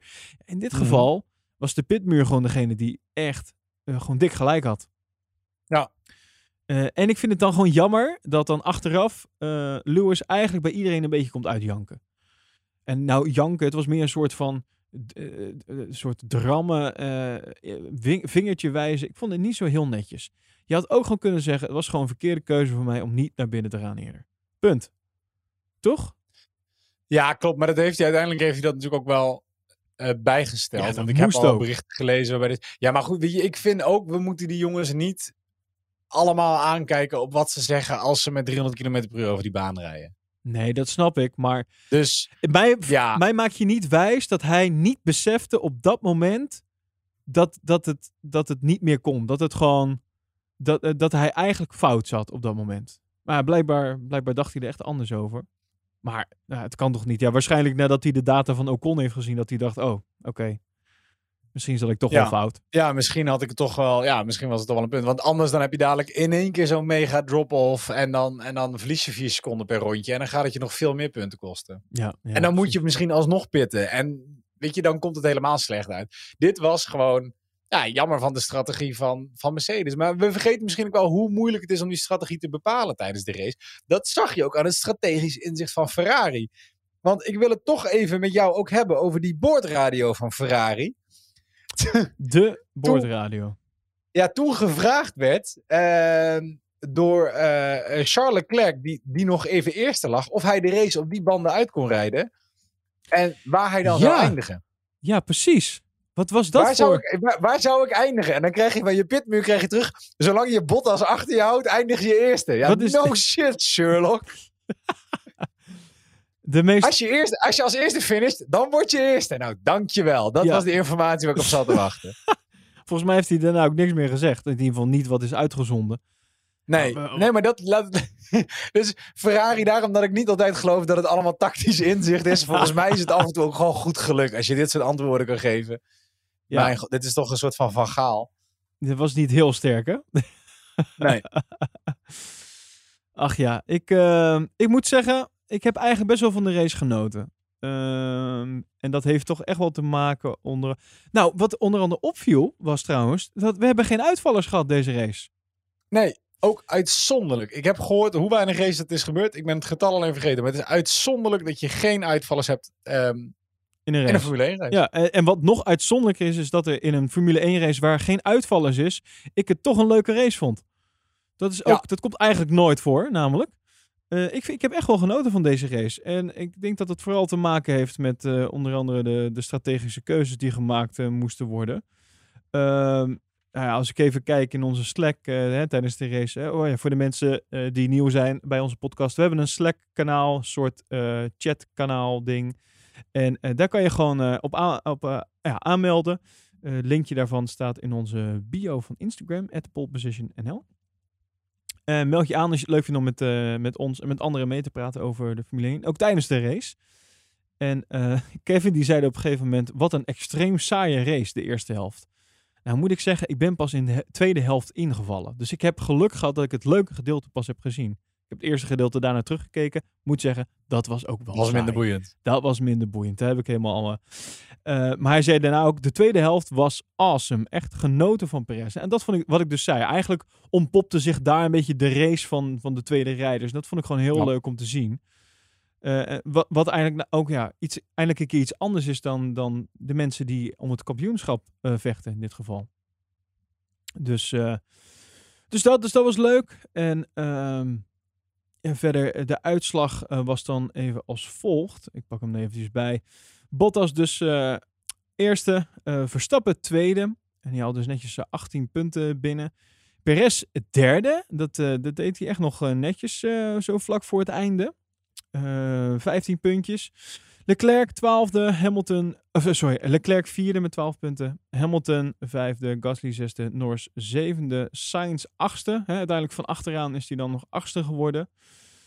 Stroll negende, Ocon tiende, Giovinazzi elfde, Räikkönen twaalfde, Ricciardo slecht dertiende door. Ehm Tsunoda veertiende, Russell vond ik ook wat tegenvallen met 15. Had ik iets meer van verwacht, maar die viel, vond ik ook tegenvallen dit weekend. Ehm, Alonso, zestiende, ook, valt ook tegen wat dat betreft. Maar ja, wat je zei, dat is het momentje aan het begin van de race. En ik denk dat ja, de Alpine dan niet echt meer bij macht is om nog veel te, potten te kunnen breken. Zeker niet in zo'n race. Latifi, 17e. Vettel, 18e. is natuurlijk ook slecht, hè? Eh, als we het over tweede rijders hebben. Eh, Stroll in dit geval eh, met een negende eh, eh, plek. twee punten binnengehaald en een veel beter resultaat. Schumacher 19e en Mazepin 20ste. En dat was de, de Turkish Grand Prix. Ja, driver of the day was Carlos Sainz. Heeft natuurlijk een prachtige inhaalrace laten zien. Was hij ook jouw driver of the day? Eh, nee, mijn driver today was Sergio Perez.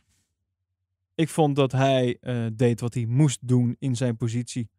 En, en Ja. dat heeft hij goed gedaan. En daarna nog even podiumpje pakken. Dat deed hij trouwens mooi, heel mooi buitenom. Ja, dat was voor mij gewoon een soort van de kers op de taart. En, en goed je werk doen als tweede rijder. Eh, en daarmee dus je, je teamgenoot, eh, die notabene voor een, een, kampioenschap eh, vecht, eigenlijk goed verdedigd. eh, en helpt. En daarna nog even vlak voor het einde die podiumplek pakken. Naar mijn idee was dat een betere prestatie dan wat Sainz heeft neergezet. Nou. Jouw uh, drive of the day? Ja, ik twijfel tussen Sainz of Perez. Ik vond beide een ontzettend goede race rijden. Eh, en beide waren echt super tof om naar te kijken. Dus, dus nou ja, prima. Laten we het Sainz dan een keer gunnen. Dit was voor hem de eerste keer dat hij driver of the day Ja, was. klopt, hè? ja. In alle jaren dat hij meegereden Dat heeft. is waar, En ja. Wat dat betreft gun ik het Sainz dan net wat meer. We hadden ook, en die, die komen dit seizoen een beetje af en aan, die interviews die ze meteen doen bij Driver of the Day. Ja, klopt ja. Met in Jenny. Gao. Wat vind, wat vind jij ervan? Ja, ik, mm, het ligt er een beetje aan volgens mij wie de... Het, het is een beetje nutteloos, toch? Laten we eerlijk zijn. Het is leuk, het is leuk bedacht. Ik denk, eh, ehm, idee in acht, uitvoering, hm, mager zesje.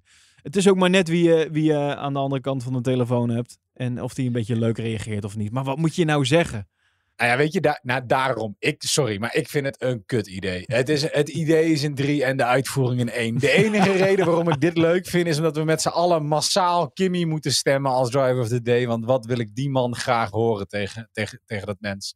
Sorry, maar ik vind dit zoiets dom. Ja, maar ik vind, ik vind weinig dingen zo dom als een topsporter, nadat hij net een prestatie heeft geleverd, een microfoon onder zijn neus douwen om te vragen hoe het gaat.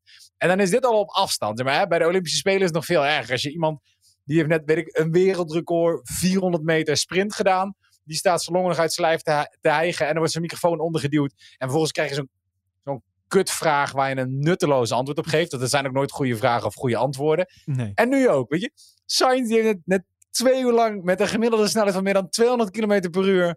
En weet ik hoeveel G-krachten in zijn auto gezeten. En dan denk je dat jij hem een fatsoenlijke vraag gaat stellen. Laat die man lekker even gewoon uithijgen of zo. Doe lekker die post-race interviews. Als je daar de driver of the day nog een keer interviewt, helemaal prima. Maar dat ga je toch niet over een radiootje in zo'n auto doen. Sorry, nee, dit is, ik vind dit idee ook geen acht. Ik moet dit echt even kwijt. ik erger, me hier, ik erger me hier zo gruwelijk aan. Dus als je, het hier, als je dit hoort, je bent het niet mee eens, laat het mij weten. Ben ik de enige die dit echt heel kut vindt? Want ik vind het echt heel kut.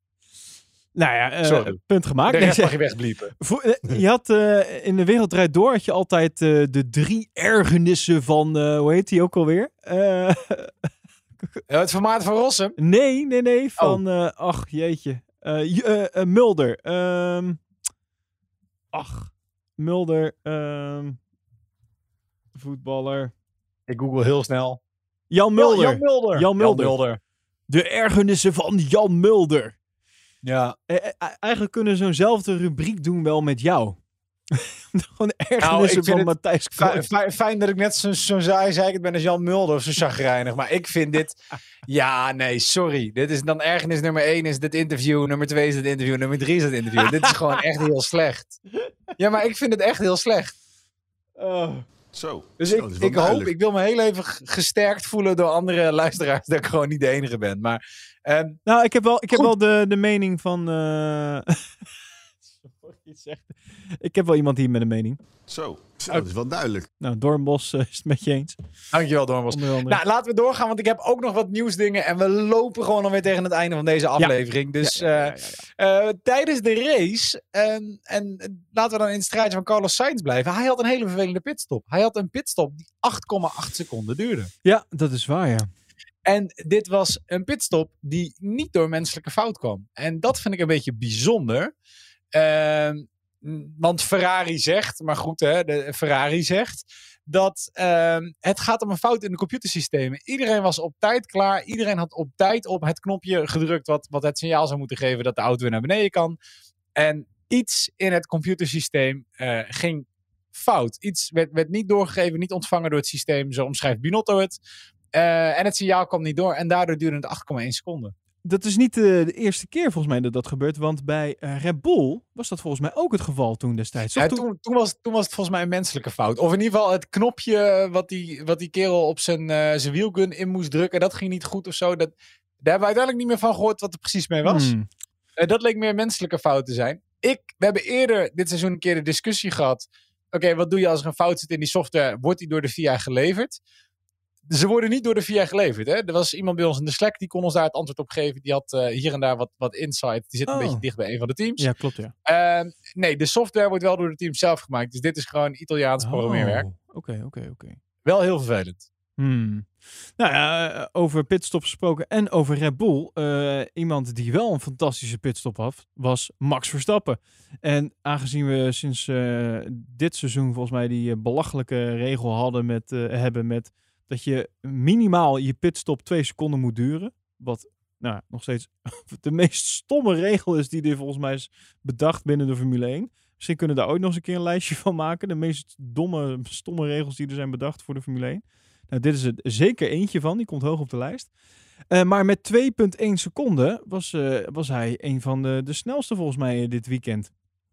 Ik weet niet Ja. of, of we een DHL pitstop overzichtje hebben. Maar met 2,1, dus dan ben je dus gewoon 0,1 seconde sneller dan wat, wat mag. Dat is ook zo raar. Wat mag. Dan heb je toch wel even die pitstop weer goed in de vingers, hè? Want ze dachten natuurlijk eh, eh, bij eh, Mercedes eh, van, nou, dat, dit zal misschien wel een beetje helpen om eh, Red Bull wat eh, te vertragen tijdens die pitstops. Maar eh, nou, dus niet. Red Bull heeft het gewoon weer helemaal op orde daar. Ja, de snelste was inderdaad Red Bull met 2,15 seconden. Daaronder Aston Martin 2,28. En daarna twee keer de Mercedes voordat Red Bull weer kwam met de pitstop van Perez. Hmm. Oh, toch Ehm, Mercedes dan twee keer. Ja, maar goed, dat is inderdaad wel eh, ver- verdomd snel. En natuurlijk precies voor, voor Max waarvoor het eigenlijk het meeste uitmaakt. Ja. Laten we eerlijk zijn. Nou, over Ehm, pitstops nog gesproken en over banden dan vooral. Ehm, ja, we krijgen natuurlijk nieuwe regels 2024 en er, gaat wat in de wandelgangen rond. En ehm, dat gaat over de bandenwarmers, want die zullen waarschijnlijk vanaf 2024 voorgoed worden verbannen uit de motorsport. De FOM die, eh, die zou eigenlijk al vanaf eh, volgend jaar van eh, de bandenwarmers af willen. Maar in samenspraak met ja, vooral de topteams eh, wordt, eh, wordt dit nog even uitgesteld. eh, en komt er waarschijnlijk wel een overgangsfase. 2022, 2023. Ja, en, en Auto, Motor en Sport, die het toch wel vaak bij het goede eind heeft met dit soort dingen. Die, die meldt dat veel partijen de bandenwarmers dus willen lozen. En de voornaamste reden hiervoor zou zijn dat de elektrische dekens erg duur zouden zijn. Dus om alle beschikbare banden van Pirelli warm te houden tijdens zo'n weekend gebruiken ze in totaal dus 40 band- bandenwarmers. Eh, wat kost dat, denk jij? 40 bandenwarmers. Nou ja, als het voor een Formule 1 team duur is, dan, dan wil ik niet gokken. Zal op, zal op een, een 5k per bandenwarmer zitten. 5k, wacht even hoor. Eh 5k per bandenwarmer. Eh, dus dat is 5000 keer Dat is twee ton. 40 bandenwarmers is 2 ton aan bandenwarmers. Ehm, nou, je zit niet zo heel erg verder vanaf. een grove 280.000 euro per twee jaar. Want na Oh, iedere twee seizoenen moeten de verwarmers wo- vervangen worden. Exclusief de elektriciteitsrekening. Ja, dus Nee, ja, klopt. Morgen is er in ieder geval een meeting over. Tenminste, deze podcast wordt opgenomen op dinsdagavond. Morgen woensdag is er een meeting over. Eh, het laatste voorstel zou dus zijn dat we vanaf volgend jaar voor de wets en intermediates al meteen geen bandenwarmers meer hebben. En we daarna inderdaad afbouwen tot 2024. Voor de mensen die denken, nou ja, dat is helemaal niet veilig, want koude banden helemaal, hebben helemaal geen grip. Eh, hoe gaan we dat doen? ja. Koude banden kunnen prima grip hebben. Ze Oh. zijn gewoon nu gemaakt zodat ze geen grip hebben. Ehm, omdat dat de opdracht is die Pirelli gekregen heeft. Ah, Dus ze kunnen prima een band maken waarbij het window waarin die band grip geeft eh, een stuk breder is dan wat ze nu hebben. Maar de banden zijn daar specifiek gemaakt voor het, het rijden samen met bandenwarmers. Dus als ze daar iets in willen veranderen, dan is het helemaal mogelijk en dan hoeft het helemaal niet. Natuurlijk zijn warmere banden leveren dan nog steeds veel meer grip. Maar het hoeft helemaal niet te betekenen dat dit, eh, dat dit gevaarlijk is. Sterker nog, je hebt dus eerder de kans dat je sneller over kan naar slicks bij zo'n eh, conditie als die we afgelopen weekend hadden. oh, Op het moment dat een track al opdroogt, maar het nog redelijk koud is en je moeilijk temperatuur in de banden krijgt, heb je dus meer aan een slik die op een bredere temperatuurschaal ehm, alvast grip geeft. Interessant. Ja. Hmm, Oké, oké. Ehm, nou ja, dat, dat wat betreft eh, de banden. En, eh, eh, Meer Red Bull nieuws. Ja, vertel. Er verandert betrekkelijk weinig voor de Red Bull motoren. Minder dan we eigenlijk dachten. Nu was het natuurlijk al zo, en dat was bekend. Hè, Red Bull produceert vanaf volgend jaar officieel eh zelf de motoren. Althans, ze krijgen de licentie over de motoren. En eh, Honda zou een heel deel van de, of de medewerkers die nu in Engeland bij Red Bull zitten, daar laten zitten. Nu is het zelfs zo dat tot 2024 er ook nog steeds onderdelen vanaf Japan gewoon richting Engeland komen. Ja. Eh, dat Honda ze gewoon ook in Japan blijft produceren. Dus op de letterlijke vraag: oké, verandert? Wat verandert er dan precies vanaf volgend jaar? Was ehm, het antwoord niet zo heel veel, volgens Horner. Nee, klopt. Dus- Eh, volgens mij was het nee. aan het begin van dit weekend ook eh bekendgemaakt dat eh, Honda dus Red Bull blijft, blijft steunen, ook blijft voorzien van adviezen en dat er een flink, flink aantal mensen vanuit de Honda-divisie gaan werken bij Red Bull Powertrains. Ja. Wat eigenlijk dus die nieuwe, de nieuwe tak is die zich bezighoudt met de, de motorontwikkeling. Ehm, gisteren, Goed nieuws, toch? een jaar geleden. We gaan er heel makkelijk aan voorbij, maar goed nieuws toch? Eh, dit is toch goed Ja. nieuws voor Verstappen en voor, voor Red Bull. Voor, eh, zeker nu we daar een, een ja, nieuwe, nieuwe motortijdperk ingaan waarschijnlijk. Dus eh, ja, Ja, Top. ik denk dat het gewoon in ieder geval heel goed is voor de continuïteit van, Ja. van de Red Bull motoren. Ehm, het is een beetje de vraag wat we, maar goed, dat, daar zullen we de rest van het seizoen voor nodig hebben. Wat Honda tegenover de huidige Mercedes motoren gaat doen en wat, wat dat dus volgend jaar betekent. Ja. Kijk, de race die we vandaag, en we hebben het er nu niet over gehad en laten we dat nu niet doen, want ik denk dat het een onderwerp is wat we de rest van het seizoen nog flink, eh, flink uit kunnen kouwen. Maar het lijkt alsof Mercedes nu in ieder geval de schroeven weer wat verder heeft opengedraaid. En dat ze flink wat vermogen leveren. De afgelopen paar races hebben we wel gezien dat een aantal Mercedes-motoren daardoor wel wat meer problemen heeft gegeven. Ja. Dus ze hebben duidelijk wat betrouwbaarheid ingeleverd voor wat meer vermogen. En dat risico nemen ze nu we naar het einde van het seizoen komen, de punten meer uitmaken en de motorwissels wat minder. Dus dat is heel begrijpelijk. Ja. Maar ja, als het 15 tot 20 km per uur op topsnelheid scheelt, ja, dan kan Honda nog zo zijn best doen. Eh, maar dan, dan, dan hebben ze nog best wel een probleem. Dus nou, laten we het voor nu even loslaten. Ik denk wel dat dit in ieder geval Red Bull de grootst mogelijke kans geeft om ook volgend jaar tegen, tegen Mercedes te kunnen vechten. ja eh, ik denk het ten opzichte van wat ze nu hebben. Nee, dat is absoluut waar. En een van de, de dingen die daarbij kan, eh, kan helpen, is eh, de brandstof. Eh, en daar, daar, we staan aan de vooravond van een, van een stukje techniek, eh, baanbrekende techniek. Eh, vanaf eh, 2026 zal er namelijk gebruik gemaakt worden van eh, nieuwe motoren, zoals we het al eh, zeiden. Maar een, eh, andere wijziging die dus eh, voor de motoren eh, eh, vindt in 2022, eh, of in 2022 al plaats gaat vinden. Eh, Honda, Mercedes, eh, Renault en Ferrari moeten dan eh, vanaf dan gebruik gaan maken van een brandstofformule die dus deels van biologische afkomst eh, is. En het is aan eh, de brandstofleveranciers, en dat is voor Red Bull, is dat dus ExxonMobil bijvoorbeeld, eh, om, eh, deze, ja, om dat, dat dan succesvol te laten verlopen, om vervolgens met deze technologie weer verder te gaan. En dat is natuurlijk altijd een beetje het ding. Hè? Formule 1 is toch altijd een beetje de, de hoe noem je dat? Bakermat van nieuwe De technologie. bakenmat, ja, die dan ook weer wordt doorgevoerd naar de normale, normale auto op de weg, om het zo maar te zeggen, toch? Nou ja, grappig genoeg heeft Vettel daar afgelopen weekend een uitspraak over gedaan. Namelijk Oh. dat, dat Formule 1 daar wel echt stappen in moet gaan ondernemen. Want de huidige technologie komt helemaal niet zomaar in auto's terecht. En als ze daar niet snel wat aan doen, voorspelt hij dat Formule 1 er over niet al te veel jaren gewoon niet meer bestaat. Omdat het gewoon niet te rijmen is met, met nou ja, meer milieubewustzijn. Ah. Ja. Dat waren woorden van Vettel, die, die toch een beetje een soort van eh, groene push wil doen.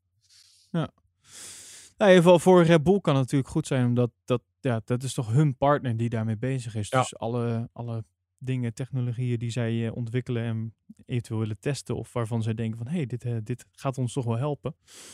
Dat eh, kan je zomaar even een voordeeltje opleveren. Ja, nee, 100%. Dus, dus dat. Ehm, heb jij toevallig nog Ziggo gekeken? Dit weekend? Nee. Is je opgevallen op eh, social media? En ook, ik merk het inmiddels ook bij eh, podcasts van, eh van collega's. Ehm, er is wat kritiek op Ziggo. Wat is er voor kritiek? Nou, als ik voor mezelf spreek, dan kan ik bijvoorbeeld zeggen dat het, de toevoeging van publiek. Ik heb toevallig heel even met mijn, met mijn vriendinnetje gekeken. Mijn vriendinnetje kijkt helemaal niet per se Formule 1, behalve nu dat ze met mij is. En ik af en toe dat ding aanzette om het te kijken. en zij er af en toe ja. Maar in ieder geval, eh, eh, we zaten die uitzending te kijken. En eh, nou, mijn eh, vriendinnetje werkt dan wel in de tv-wereld. Dus die kijkt toch wel met een ander oog naar dit soort programma's. En die had eigenlijk een beetje dezelfde. Die zei op een gegeven moment van, wat, wat doet dat publiek daar? Ik zeg, ja, ik, ik, ik vond de uitzending eigenlijk ook een stuk beter toen er geen publiek was in de coronaperiode. En eh, ik, ik moet zeggen, ik vind de uitzendingen niet zo heel sterk. Nou, dan kan je dat nog wel eens opvangen met een, eh, een sterke gast. Maar die was ook niet echt, naar mijn idee. Ik vind Mattie Valk... eh, ik vind het gewoon niet zo'n sterke toevoeging. Ik, waarom, Nee? waarom zien we Hoping Toen nou gewoon niet? Ja. Gewoon iemand die Ja, wat te nou, ik, vertellen weet, je, heeft. weet je, ik heb, dat, ik heb dat gevoel altijd een beetje bij. Hij, is wat minder bekend, maar Tom Coronel. Eh, nou, daar gaan we hoor, mensen. Ergernissen Nee, van nee, Matthijs nee. Koiker, nummer 2. nee, nee, nee, nee. Nee, ja, ik weet niet. Ik vind Mattie. Ja, ik heb geen probleem met Mattie Valk. Ik vind hem op zich best, eh, best leuk. En ik deel wel je idee van het publiek. Dat, dat hoeft van mij ook weer niet. Nee. Ja, Nee. en, en waar vooral heel veel kritiek op is, is toch wel die, die oranje bril. En dan vooral het feit dat bijvoorbeeld Lewis heel erg wordt eh, neergezet alsof hij even net komt kijken of zo. Terwijl, ik bedoel, laten we niet vergeten, die jongen is gewoon zevenvoudig wereldkampioen, hè? Ik bedoel, Ja. ja, ja, Ja, ik weet ben niet. ik met je. Nou ja, weet je, ik ben ik een beetje met je eens. Ik vind alleen dat de, de roze bril eh, over Max valt bijna in het niet bij de bril die de, ehm, de Engelse presentatoren hebben over Lewis. En ik vind dat dat naarmate het minder en Oh. minder lijkt te gaan met Lewis, eigenlijk meer en meer op begint te vallen. Als je dus ook wel eens eh, daar recaps van, van kijkt, of misschien zelfs gewoon heel de race kijkt met Engels commentaar. Ja, het, het gaat bijna alleen maar over Lewis. Ja, dat is, dat, is, dat is waar. Kijk, en op zich is Maar- dat... Dus als, ik bedoel, als, dat je, als dat je meetlat is, nou ja, dan vind ik het best nog wel meevallen in hoeverre Max met, met een roze bril bekeken. Mm, wordt. ja, mm, Dus eh, ja. iemand, iemand op Reddit die heeft getrackt hoe vaak bepaalde rijders werden genoemd bij naam door eh, de Engelse commentatoren tijdens de race van Turkije. Oh, Oké? Dus Ja, om nu een soort van, van benchmark te geven. Daniel Ricciardo werd 36 keer genoemd. Esteban Ocon werd 24 keer genoemd. Alonso 31 keer genoemd. Charles Leclerc werd 80 keer genoemd. En Max Verstappen werd maar liefst 96 keer genoemd. Bottas, winnaar van de wedstrijd, werd 90 keer genoemd. Hoe vaak denk jij dat de naam Lewis Hamilton viel? 162 keer. 199 keer. Is serieus, iemand heeft dus gewoon het echt bij zitten houden. Ik bedoel, Mazepin werd zeven keer genoemd. Maar Lewis Hamilton werd gewoon twee keer zo vaak, meer dan twee keer zo vaak genoemd als de winnaar van de race. Als de nummer twee van de race. Of als de nummer drie van de race. Ja, sorry hoor, maar nee, ik, eh, laat maar. Nou, oké, maar dat is misschien... Ik, het is iets te kort door de bocht misschien, want het, er was ook meer te vertellen over Lewis Hamilton. Eh, hè? Als we het bijvoorbeeld hebben over die, het moment van die pitstop. eh, twee keer die momenten. Ik kan me voorstellen dat iemand die... Hè, een Bottas, die sowieso vind ik ondergesneeld is eh, in alle andere dingen, maar gewoon echt een dijk, dijk van een race heeft gereden. En dat ook wij... Ik betrap mezelf er zelf op dat we het in onze samenvatting, of als wij even de race doornemen, het ook bijna niet benoemen. Terwijl hij, heeft, hij is gewoon de Ja, winnaar. omdat- ja, Hij hij is is de winnaar. Maar goed, eh, eh, dit is, ik, hier hoef je niet over te hebben. Op dezelfde manier dat je het niet echt over te, hoeft te hebben over Max die vanaf Pol start en de eerste wordt. Hij heeft een foutloze race gereden. heeft hij precies. hartstikke goed gedaan. Maar- Maar, er is verder niet zo heel veel boeiends over te Maar vertellen. dat is mijn punt. Dus misschien is dat ook wel een beetje waarom je Lewis gewoon vaker eh, werd genoemd in die race dan, dan, dan bijvoorbeeld een Bottas. Laten we eerlijk zijn. Ja, dus- oké, goed. Maar ook de nummer 2 en de nummer 3. En nee, joh, weet je, dit was echt wel echt exceptioneel veel. En ik zeg, het is alleen maar als benchmark. Hè? Ik bedoel, als we het in Engeland zo doen, dan vind ik in Nederland de roze bril nog best meevallen. Oké, nou, ik weet niet of je toevallig... Ik het- omgekeerd trouwens. Ik weet niet, je- er was een interview van Toto met een Franse presentator. En die Franse presentator vroeg alleen maar naar Lewis. Die vroeg alleen maar naar Lewis. Het het ging een kort stukje over Lewis. En daarna zei hij dankjewel. En we zien je volgende week weer op het circuit. Maar op Toto, in zijn beste Frans, antwoordde... Willen jullie niet over Bottas hebben? Want hij is onze rijder die gewonnen heeft. En dit was de tiende overwinning die hij heeft gehad Ja, precies. in zijn carrière. En eh, het is een hele awkward situatie, want die interviewer voelt zich een beetje betrapt en begint daarna dan nog maar heel even over Bottas. Maar dat vind ik dan wel weer goed van Toto. Dat ik denk, ja vriend, inderdaad, zo, zo hoort het. Want het is, het is gewoon echt lullig. Ja. Sinds Bottas heeft aangekondigd dat hij weg is bij Alfa Romeo, heeft hij Bij Mercedes. verreweg de meeste punten gescoord van iedereen op het veld. Wist je dat? Ja, eh, ja, klopt. Ja, je bedoelt bij Mercedes. Ja, dat, klo- dat klopt. Het, het zeker. Ja, nee, niet alleen bij, bij Mercedes, gewoon überhaupt. Nee, ik bedoel, je zei dat hij wegging bij Alfa Romeo, maar... hij Oh, sorry. bij- Dat hij, sinds hij heeft aangekondigd dat hij naar Alfa Romeo toe gaat, Ja, dat hij weggaat bij. Mercedes, Ja. heeft hij verreweg de meeste punten gescoord. Hij heeft, even uit mijn hoofd, 56 punten gescoord. Ja. Is, is Sinds hij dat heeft gezegd. En de volgende is Max en die heeft er iets van 38. Ja. hmm. Hij lijkt eh, bevrijd, wat dat betreft. De druk is van zijn schouders op een bepaalde manier misschien. Misschien dat dat het is. Ja, nou ja, dat denk ik wel. Een stukje Eh, opluchting. Zeker.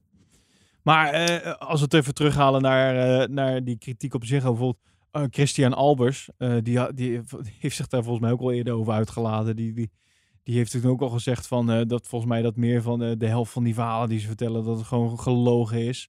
Hij zegt het is soms afschuwelijk om naar te kijken. En in mijn ogen hebben, nou weet ik niet in hoeverre we iets van Christian Albers moeten aannemen, laat dat vooropstellen.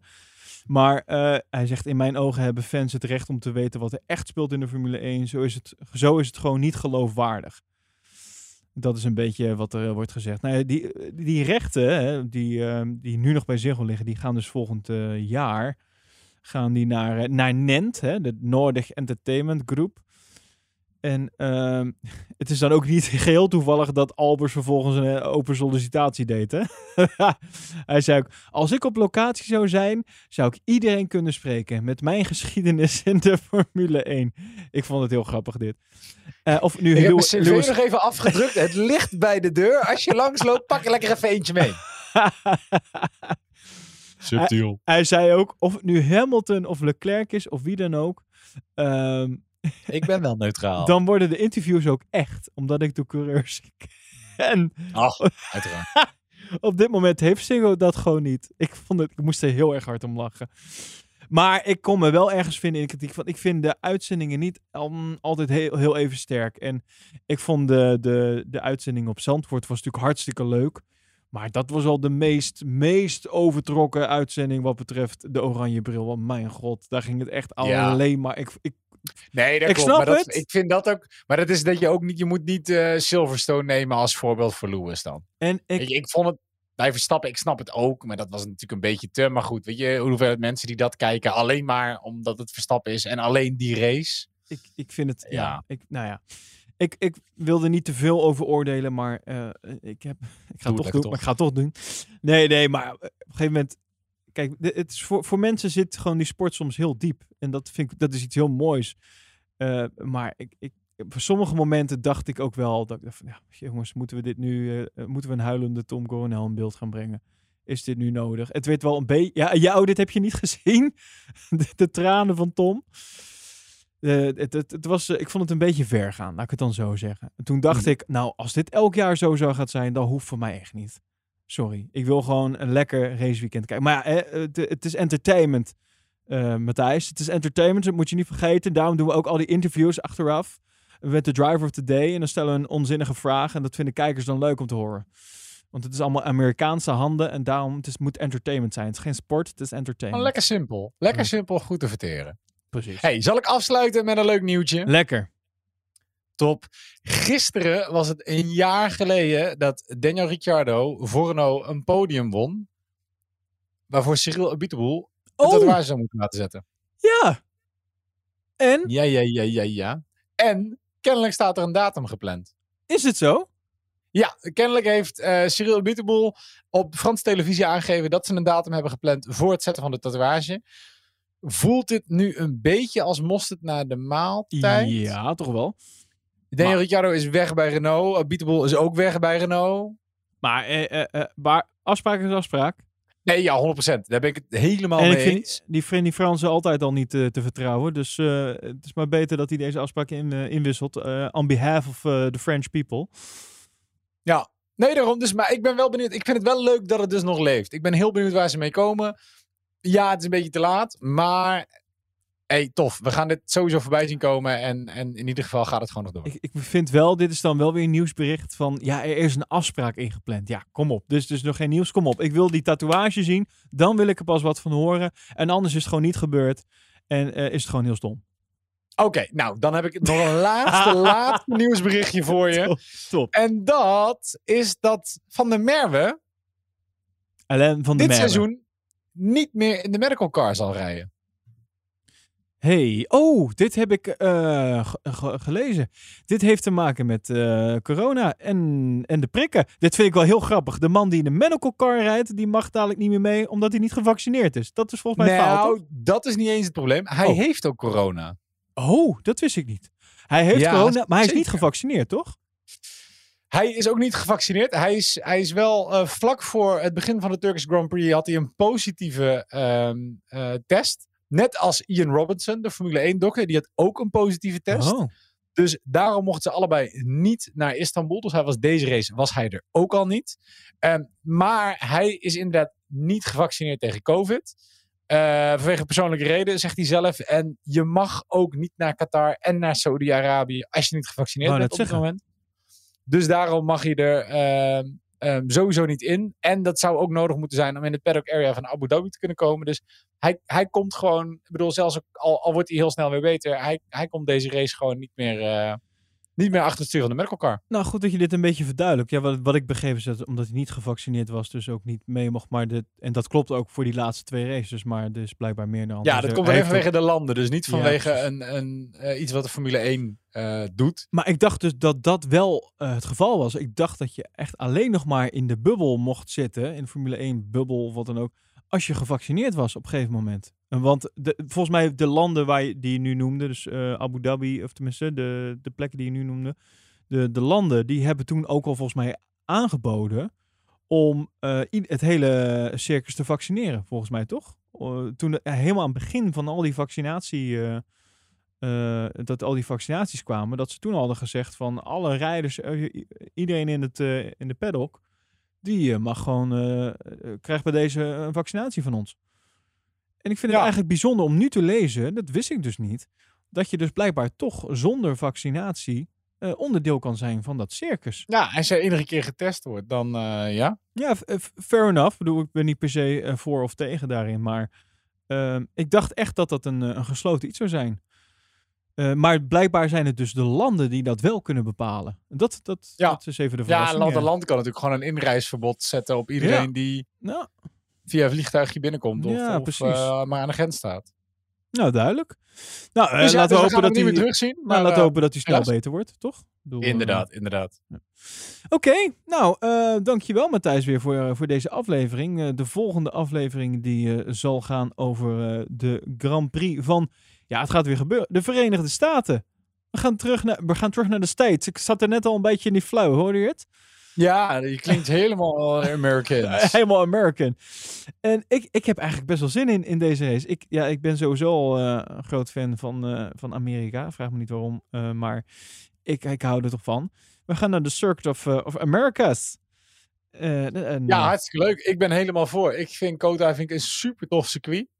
Eh een van mijn favorieten, grappig genoeg. En ik kan niet helemaal vertellen waarom, maar ik vind het altijd tof.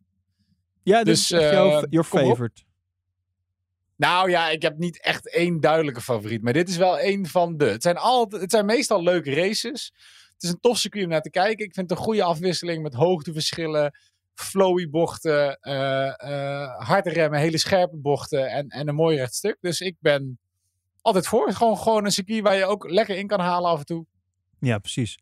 Beloofd is, is eigenlijk nooit echt een saaie race. Moet ik dit afkloppen? Want nu ik dit gezegd heb, wordt het natuurlijk een super saaie race. Maar ja, dat gezegd hebbende, ik heb er zin in. Maar eh, wat erbij natuurlijk wel eh, belangrijk is, is dat eh, we gaan naar Amerika. En Amerika zit in een andere tide zone, een andere time zone. Ehm, wat betekent dat, dat we even op andere tijden moeten gaan inschakelen. Dus ik zal je gelijk even bij. dit gaat, het is nog niet volgende week, hè? Het is, het is de week erop. Dus eh, we hebben één weekend even rust. En eh, die week erop gaan we dan. eh, begint het weekend op 22 oktober. En dan hebben we dan om half zeven s'avonds. Dus met bord op schoot. Tenminste, als je een beetje laat thuis bent. Maar gezien de files van nu is dat niet zo gek. Half zeven s'avonds de eerste vrije training. En om tien uur s'avonds dan de tweede vrije training. En eh 23 oktober, dus dan de, de zaterdag, hebben de derde vrije training om 8 uur s'avonds. En de kwalificatie om 11 uur. Vind ik leuk. S'avonds, beetje, het heeft een beetje het voetbalgevoel nu, toch? Als je het Champions League gevoel, eh, dat, je kijkt geen voetbal. Je kijkt me aan van wat is, dat, wat is voetbal? Maakt niet uit. Beetje dat Champions League gevoel. Voor de mensen die dit wel herkennen, hartstikke leuk. Ik vind dat altijd wel leuk. En dan op zondag de race om 9 uur. Van 9 tot, eh, tot 11 staat die in ieder geval ingepland. Dus ja, be there or be square, zeggen ze dan in Amerika. Alright, dankjewel voor het luisteren. En ehm, wil je ons eh, volgen? Dat kan op eh, Instagram, Apple NL. Daar zit ook de link dus naar ons Slack-kanaal, waar we het eerder in deze aflevering over hebben gehad. En vind je deze podcast nou superleuk en wil je ons ook nog een financieel eh, steuntje in de rug geven? Dat, dat kan. Dat kan op petje.af slash poleposition. En ik en Matthijs maken zo af en toe wel eens ja, extra opnames vooraf aan een aflevering of soms daarna. Eh, niet per se Formule 1 gerelateerd. Wel, zeg- Vaak niet Formule 1 gerelateerd. nee, wel al zeg ik het zelf heel grappig. Eh, Vaak grappiger dan de aflevering zelf. dus eh, mocht je daar geïnteresseerd in zijn, petje.af slash poleposition. En eh, dan spreek ik jou, Matthijs, en, dan, en de luisteraars, die horen ons dan weer bij de volgende aflevering.